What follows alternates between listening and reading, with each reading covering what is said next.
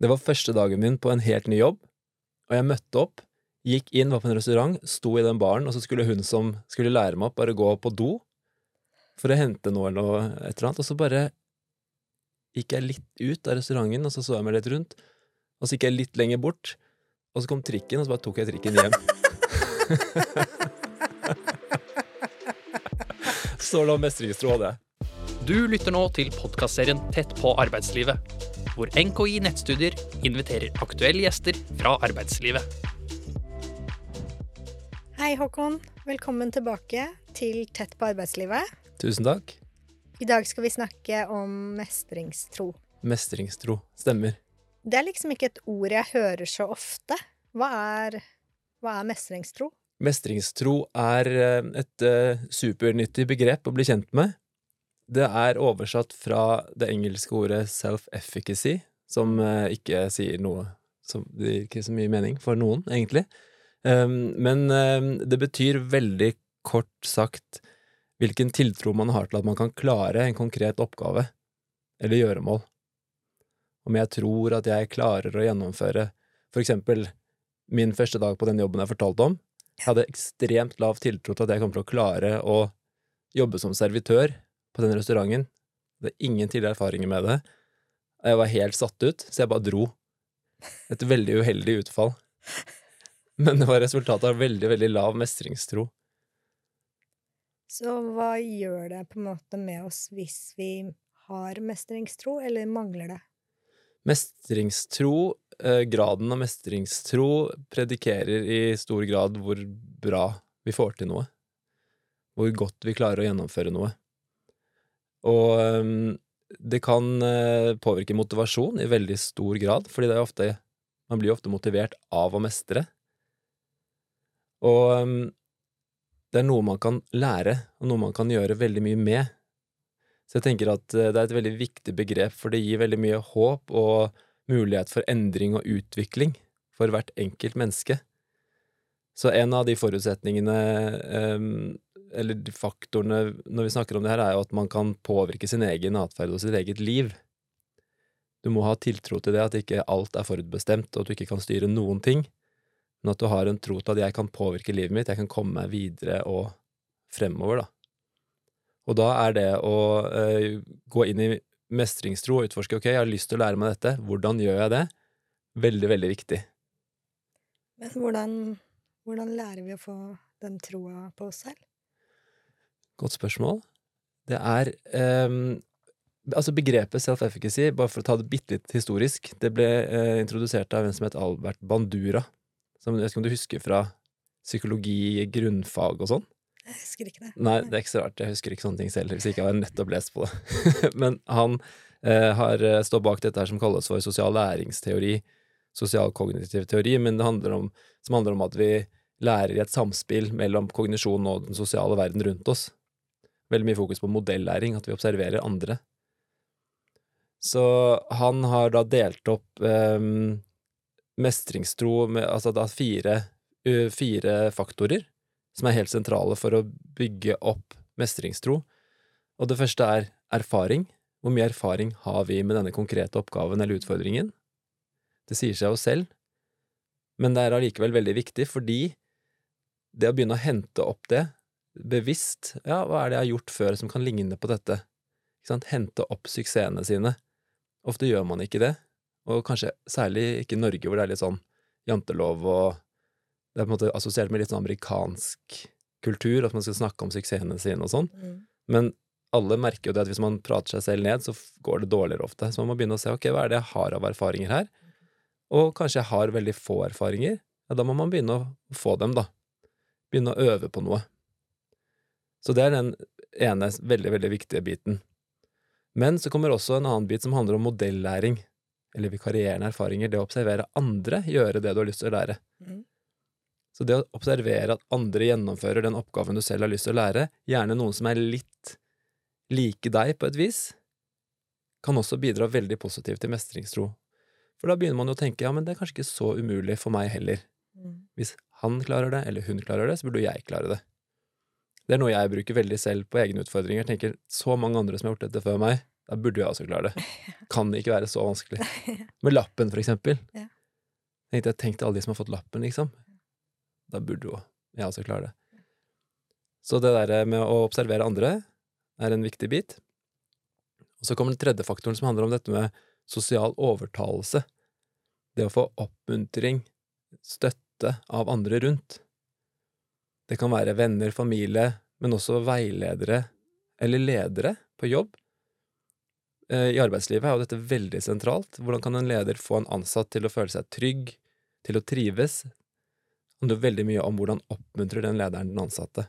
Og det å forstå at man må bryte det ned i både du må gi den ansatte muligheten til å øve Det er veldig fint hvis den ansatte har noen å observere, men også du kan oppmuntre, hjelpe den ansatte til å, til å prøve igjen, til å legge merke til hva som funker. Mm. Kjempeviktig aspekt. Mm. At det er rom for det på en arbeidsplass. Ja. Og så kommer den siste biten eh, i modellen, som er eh, fysiologisk, emosjonell feedback, altså hvordan du oppfatter og hvordan du tolker kroppen din. Så hvis du skal gjøre noe nytt, så vil du ofte bli nervøs, spent, og da handler det mye om i hvilken grad du tolker det som noe negativt eller noe positivt, og evne til selvregulering. Noen vil jo bli veldig satt ut av litt sommerfugler i magen og tenke at dette går til helvete, ikke sant, nå, nå må jeg bare avlyse hele foredraget, for eksempel, mens andre har kanskje lært seg å fortolke de um, signalene som at kroppen faktisk skjerper seg, sånn som vi snakket om i stressepisoden, at dette her er noe positivt. Og der vet vi jo igjen av noen studier at det endrer jo faktisk den fysiologiske responsen i kroppen også, på blodårenivå. Hvis du klarer å omformulere eller fortolke stressresponsen på en positiv måte, så, så endrer blodårestørrelsen seg. Veldig fascinerende. Utrolig gøy. Men det er ikke sånn selvsagt, ikke sant? for da tenker jeg det handler veldig mye om kunnskap, hva du har lært, hva du har blitt fortalt opp gjennom livet. Enten kanskje du aldri har hørt noen ting om det, eller folk har gjort narr av deg fordi du er nervøs, ikke sant, eller folk har sagt 'se, han rødmer, se, hun rødmer', Da.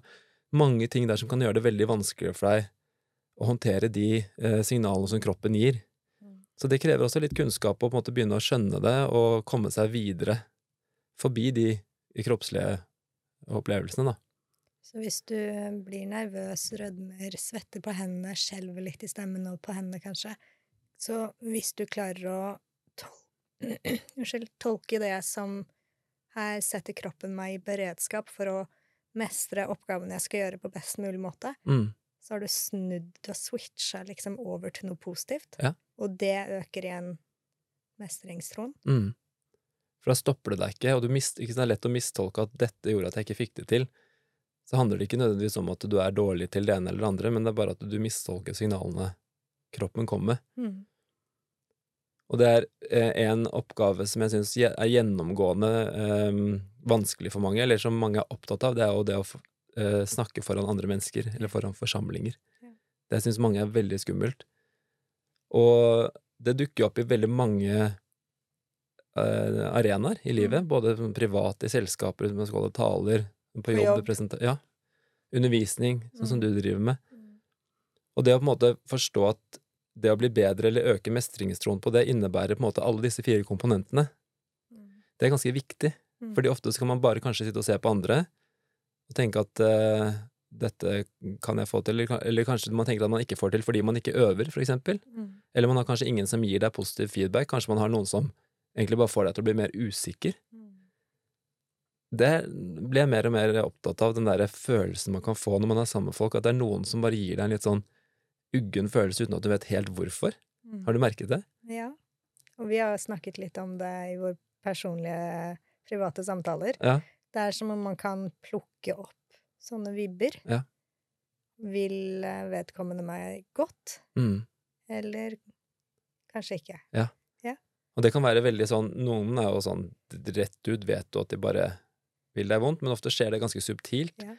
Så når du finner ut at du har lyst til å bli bedre på noe, så er det veldig viktig at du tenker over hvem er det jeg har lyst til å involvere i dette her. Hvem er det som faktisk bidrar til å booste meg, gi meg bedre selvtillit på dette her. Og som gjerne har noe kompetanse også, da, til å kunne, kunne hjelpe. Mm. Men man skal ha veldig god grunn til å liksom fortsette da å omgås eller høre på folk som gir deg en dårlig følelse, gjennomgående. Mm.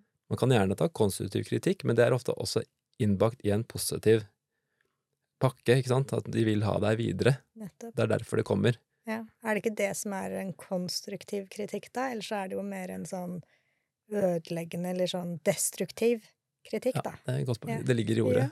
Det ligger i ordet. Men hvis Bare for å mm, oppsummere det du sa, sånn at jeg er med, og så kan du bare korrigere meg. Du sier at vi må vite at for å øke mestringstroen vår, så trenger vi å repetere eller øve. Mm. Og så trenger vi Og det er vel det som gikk på erfaring, at du opparbeider deg erfaring. Mm. Og så kan det hjelpe å se andre har gjort det, mm. og bruke deres erfaring. Mhm. At du har et støttende miljø rundt deg. Kan du være din egen støtte dersom du ikke har det støttende miljøet?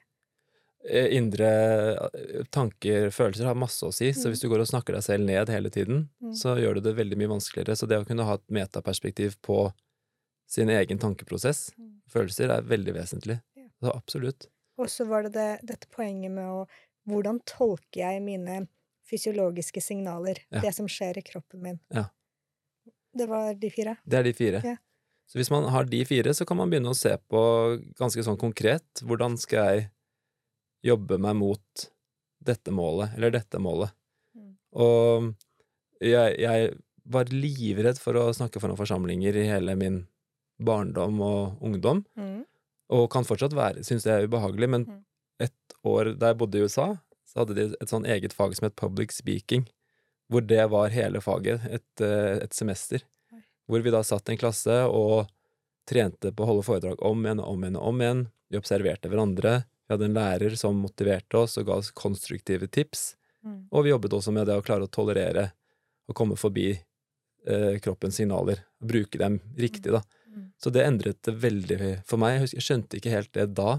Jeg bare merket at det var en endring før og etter. Mm. Men det var satt i system, da.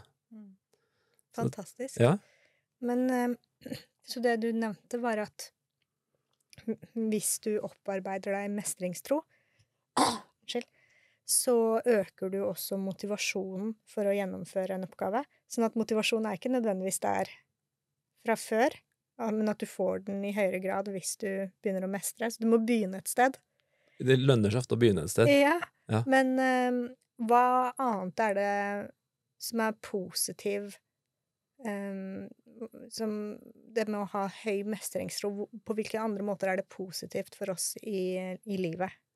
Det kan være Man snakker jo ofte om selvtillit og selvfølelse. Ja. Og selvfølelse, selvtillit og mestringstro er jo veldig sånn sammenvevde begreper. Men for å skille dem litt fra hverandre, så kan man si at selvfølelse er mer den generelle følelsen man har om seg selv, og man anser seg selv som verdifull, viktig, og man tar vare på seg selv. Mm. Selvtillit er mer hvilken tro man har på seg selv, Mm. kanskje på litt ulike områder, at man kan ha høyere selvtillit på visse områder enn andre. Mm. Man kan ha høy selvtillit på jobbfronten, for eksempel, men ikke så høy selvtillit på familiefronten, Mm. eller motsatt. Og så kommer mestringstro enda mer spesifikt, den går enda mer konkret på de spesifikke oppgavene som ligger da innenfor disse ulike arenaene.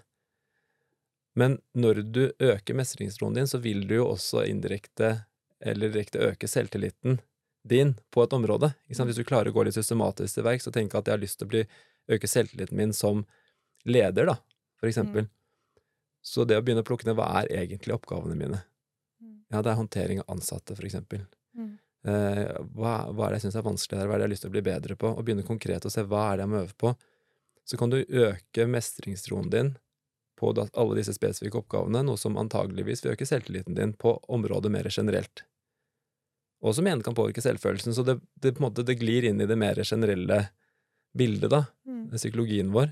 Selv om de tre begrepene er litt eh, Jeg syns det er viktig å skille dem litt fra hverandre også. Men hvordan var det konkret du skilte mestringstro fra selvtillit? Mestringstro, sånn jeg tolker det, da, Ja. er at det er enda mer konkret. At selvtillit Du kan for eksempel ha Jeg kan ha høy tiltro til meg selv som psykolog. Jeg kan tenke at det får jeg til. Den jobben kan jeg, men jeg kan fortsatt være usikker og ha lav mestringstro på konkrete oppgaver. For eksempel, eh, jeg har ganske lav mestringstro på eh, sånn derre historisk psykologi. Altså psykologihistorie, og når folk spør meg sånn konkrete spørsmål om utviklingspsykologi, så klarer jeg sjelden å svare noe Det er helt tomt, egentlig. ja, ja. Men det, det Så jeg har lav mestringstro på en del konkrete ting innenfor den rollen, men jeg har ikke, jeg har ikke lav selvtillit på området. For det opplever jeg at jeg mestrer. Så det er på en måte mer Altså selv, mestringstroen går mer konkret på noe spesifikt, men okay. selvtilliten er litt mer generell, og selvfølelsen er på en måte enda mer generell, da. Spennende. Det er jo, for veldig mange sier jo sånn eh, Skiller ikke egentlig mellom selvtillit og selvfølelse, men nå har vi jo et tredje begrep her. For gjør det enda mer forvirrende. Ja. Og for å snu det til det positive, at jeg tenker at det begrepet er så viktig, for det gjør det mer håndterbart. Og igjen tilbake til det at man kan føle at man har litt mer kontroll. Det er vanskelig, jeg har lyst til å jobbe med selvfølelsen. Jeg, hvor begynner jeg? Hatt et helt liv, blitt, liksom blitt snakket ned hele livet, og jeg får ikke til noen ting. Hvor skal jeg begynne? Men med mestringstro så handler det mer om ja, men hvilke oppgaver eller hvilke, hvilke ting er det du har lyst til å begynne med. da? Hvor kan vi begynne? Hva er det du kan jobbe med og øve på nå, først og fremst? Og så får man til én ting, og så får man til to ting, og så kan man bygge det opp den veien. Så det gir et litt mer sånn eh, eh, Jeg syns det gir litt mer handlings, eh, handlingsrom, Mm. hvis, hvis du skjønner hva jeg mener. Mhm. Men, ehm, men eh, sant, vi snakker om hva er mestringstro, og hvordan kan vi øke den, og så videre, og hvordan den henger sammen med selvtillit og selvfølelse. Men så kommer jeg på Kan man ha for mye av det? Ja. Finnes det? ja. Ja? Man kan det.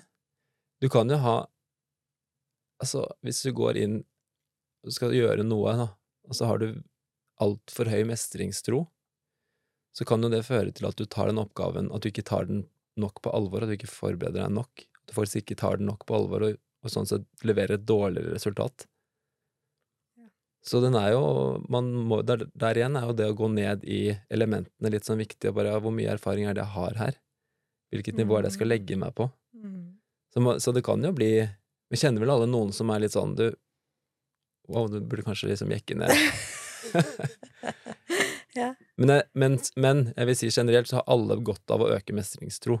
Ja. Sånn uansett. Mm. Og så får man heller eh, ta Det er mye større fare for at man har for lite enn at man har for mye. Ja. Mm. Så spennende. Ja, jeg tenker at det er et veldig sånn håpefullt, uh, håpefullt begrep, som kan eh, bidra til at man kan måte komme seg fremover, også når man er litt sånn nede eller sitter litt fast. Så gir det muligheten til å skape litt bevegelse også da. Og det som er så gøy, er at hver gang vi prater sammen, så gir du på en måte konkrete verktøy. Så vi kan bare gå og se på de fire faktorene og reflektere litt over det, da. Mm, nesten gjøre det som et prosjekt. Og på en måte her, jeg ønsker å øke min mestringstro. mm, kan jeg, har jeg noe verktøy nå eh, som jeg kan gå inn i Ja. og begynne et sted. Og eh, når det kommer til det med brukte med eksempel med sånn eh, å holde taler eller foredrag og sånn, Mm. der kan man jo for eksempel uh, gå og oppsøke noe som heter, det som heter Toastmasters, som er sånn et sted hvor man kan holde, øve på å holde taler. Det er en sånn forening, internasjonal forening, som også har samlinger i Norge, hvor alle kan melde seg inn. Oi. Så finnes det sånne, og det finnes flere sånne varianter i Norge hvor man faktisk bare trener på det. Men det innebærer at man må ta det på alvor og skjønne at dette er noe jeg må, jeg må øve på. Det blir ikke bare god. Mm. Ofte da, Det man ofte gjør da, at man, hvis man ikke øver, så titter man opp på folk som kan det kjempegodt, som er altfor langt unna deg selv, Mm. og så blir man demotivert av det også. Mm. Så det er det å klare liksom å innse at jeg må øve, og finne en rollemodell som er sånn passe langt unna Mm. deg, men ikke altfor langt. Mm. Så sammenligne på en måte epler med epler, istedenfor å sammenligne Veldig bra. Bare det å innse at ja, ok, det, vedkommende har gjort det mye, mye mer enn meg. For jeg, akkurat det der med det du sier med det med å repetere og få erfaring med det Jeg tror mange kan tenke ja, men det har ikke jeg et talent i. Mm. Det er ikke for meg. Men hvis du vet at en av faktorene i denne verktøykassa di, som du har presentert for oss i dag, er du må skaffe deg erfaring, du må repetere og øve. Mm. Det er jo en viktig del av det. Mm, det er det. Og veldig mange med lav mestringstro, sånn generelt i livet, vil jo gjøre akkurat det du sier der. Mm. Nei, det kan ikke jeg, det, det er ikke noe for meg. Og litt mer generelt så er det også det å faktisk ta på seg, eller prøve seg ut på ganske vanskelige og komplekse oppgaver, også noe som bygger en litt sånn generell mestringstro, for da kan du, neste gang du møter en utfordring, så vet du at jeg har klart Mm. utfordrende ting før, jeg har prøvd meg på det før. Så du alltid unngår det, så får du jo heller ikke den generelle treningen, da. Mm. Jeg klarer vanskelige ting. Mm. Mm. Men jeg har valgt å aldri gå tilbake til restaurant, altså. Men det er heller ikke så viktig for meg, så derfor så var på en måte, kan jeg la den ligge. Jeg har fortsatt lav jeg tror jeg hadde vært en elendig servitør, det, men det er greit for meg, da. nå som du har blitt psykolog, så er ikke det liksom øverst på listen. Det er ikke så farlig. Men, men du hadde lav mestringstro, Hadde la Ja. så derfor bare rygget du ut av restauranten og Ja. tok første trikk. Mm. Og egentlig burde jeg jo øvd. Burde observert. Ja. Jeg hadde sikkert fått en god støttespiller der òg, det vet jeg ikke, for jeg bare dro. Ja. Så mm, Hvor lenge var du der? halvtime, kanskje. Så du har eh, rekord, du, da, i eh, ja, hvor lenge man kan være på en arbeidsplass før man slutter. Ikke anbefaler ikke å etterfølge det. Til skrekk og advarsel. Så dette med mestringstro, det er, jo, det er jo liksom en del av hverdagen vår, da. Det preger jo mye av det vi gjør. Mm. Så det å bli Jeg liker jo å si, snakke mye om dette med bevissthet, men det å bli bevisst på det, at uh, hvordan det virker inn, og hva det kan gjøre med deg hvis du har, øker mestringstroen din. Så vi har jo kontroll. Vi er ikke noe offer for genene våre, eller um, vi er, Jeg bare er sånn, jeg. Jeg er bare født sånn, jeg. Du Mm. kan gjøre mye for å utvikle deg selv. Det er kjempeviktig. Det er, akkurat det du sier der, tenker jeg nå er kjernen i hvorfor det er så viktig å prate om. For da kan du påvirke livet. Og det kan være på alle arenaer. Det kan være på familiearenaen, ikke sant. Det er masse utfordrende med å ha barn, sånn som du og jeg har. Foreldreferdigheter, ikke sant. Det å innse at dette er noe jeg trenger å øve på. Jeg må lære det av noen. Jeg trenger oppmuntring. Ikke sant? Mange kommer aldri dit. De bare strever. Tenker at de er ikke gode nok, men det er bare fordi de ikke har lært det. Eller om det er eh, andre sosiale aspekter, eh, gå i selskap, delta i et eller annet minglelag, mingle, lag, Ja. Eller, eller på jobb selvfølgelig, hvor det er tusen millioner forskjellige oppgaver som man Ja. kan lære seg Og... Men du, Ilgar, nå har vi jo snakket om eh, mestringstro og masse eksempler på det. Er det noe du liksom kjenner igjen, eller fra, fra ditt eget liv, som du blir opptatt av? Um, det jeg tenker på da, er kanskje